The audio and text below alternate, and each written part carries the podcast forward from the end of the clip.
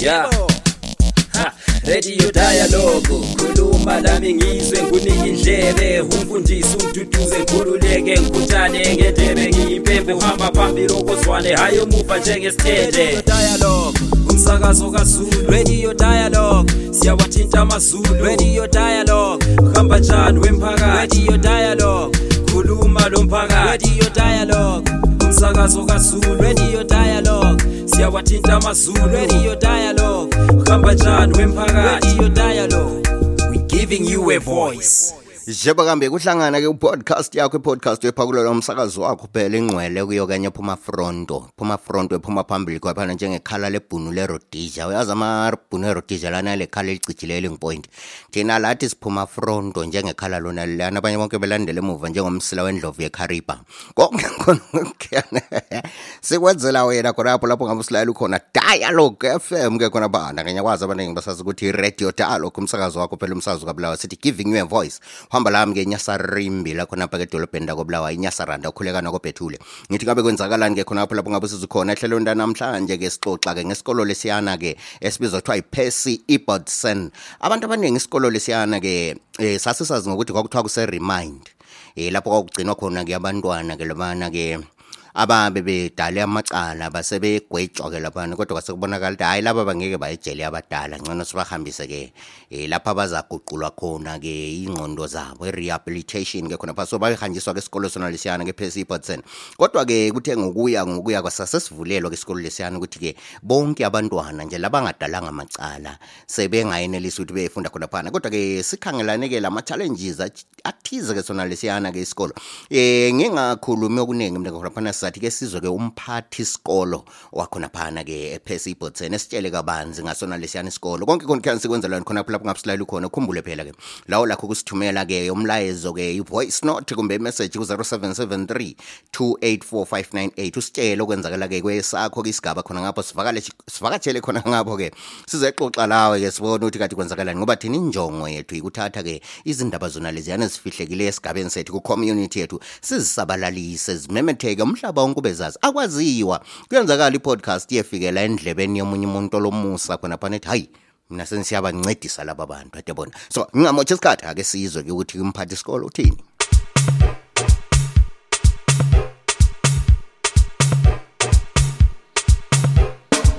Salibonani Hlabezulu. Mina engikhuluma lapha ngumafiyana umphathisikolo wePercy Ibbotson Primary School. iPercy Ibbotson yisikolo esivulwe ePercy Boys Hostel ngo-1977. iPercy yona isenta ihome yavulwa ngo-1960 ngumlungu okuthiwa nguPercy. Isikolo lesi saqala singesabantwana abehome babengu-25. Kuthe ngo-1977 kwasesisenza sokule inclusive education kwasekuthiwa abantwana bonke abaseduzane sebengangena bafunde ePercy. Yikho abantwana abafunda kulesi sikolo ngabantwana abavela emakhandeni eluveve iluveve yonke iluveve 5 uveve old new luveve lobhengula Cowdrey Park yona lesigodweni labompompini. Abantwana esibatholayo ngabantwana esibathi ngesikhiwa vulnerable children iningi labo. Ngoba abanye babuya bengelama birth certificate. Njalo nxa bebuya lapha bayabe kungalasinye isikolo esingabemukela ngaphandle kwasenesi ngoba lesi yisikolo se-social welfare.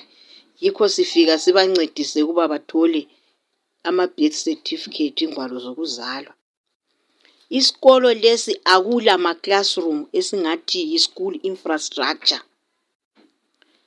Sila zindlu ezimbili i-skills room eyabolekwa isikolo ukuthi ibe yi-classroom. Lapha esithi kusehofisini kamphathi.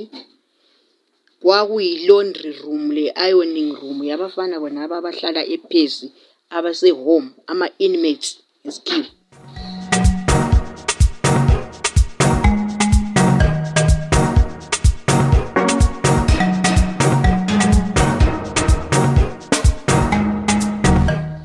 Yikho infrastructure le ingekho nje sokulohlupho ngoba i-enrollment esikhona from 25 abaqalisa beyibo sebengu-500 abantwana.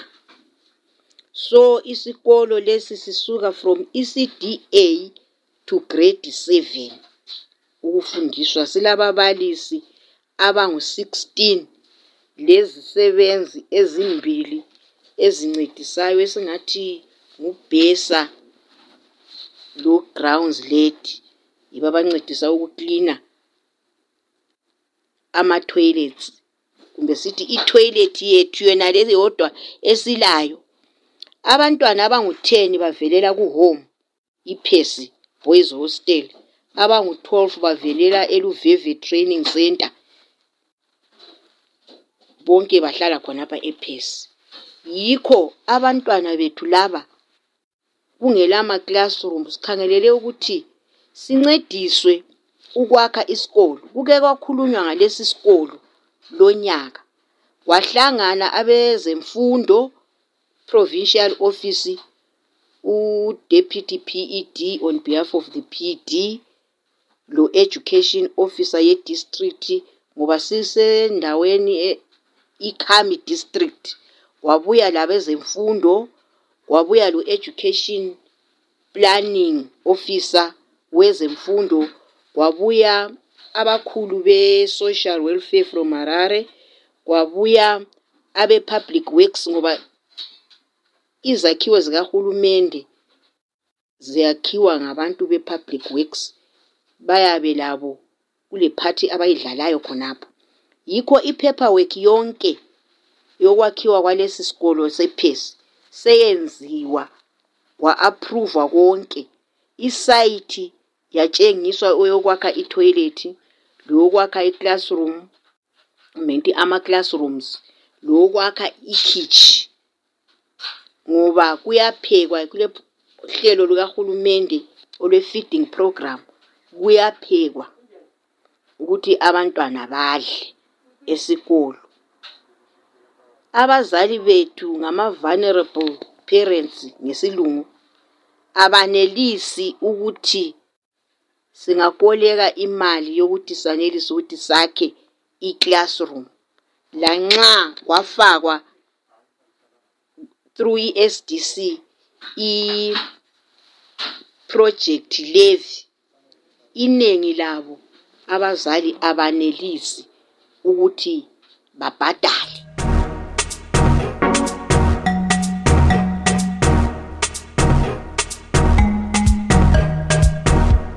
Siyacela ke kuhlabezulu nxa singancediswa basixhase sakhe lesi isikolo ngoba laba bantwana akula ndawo lapho abangaya khona nxa iphesi ingehluleka ukwakha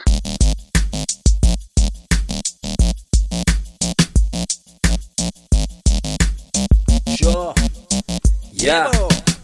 Ha, radio dialogue lami ngizwe ngunike indlebe umfundisi umduduze ngikhululeke ngikhuthane ngendebe. Ngiyimpembe uhamba phambili okozwane hayi umuva njengesithende. Dialogue. Umsakazo kaZulu. Radio dialogue. Siyawathinta amazulu. Radio dialogue. Hamba njani wemphakathi? Radio dialogue. Khuluma lo mphakathi. Radio dialogue. Umsakazo kaZulu. Radio dialogue. Siyawathinta amazulu. Radio dialogue. Hamba njani wemphakathi? Radio dialogue.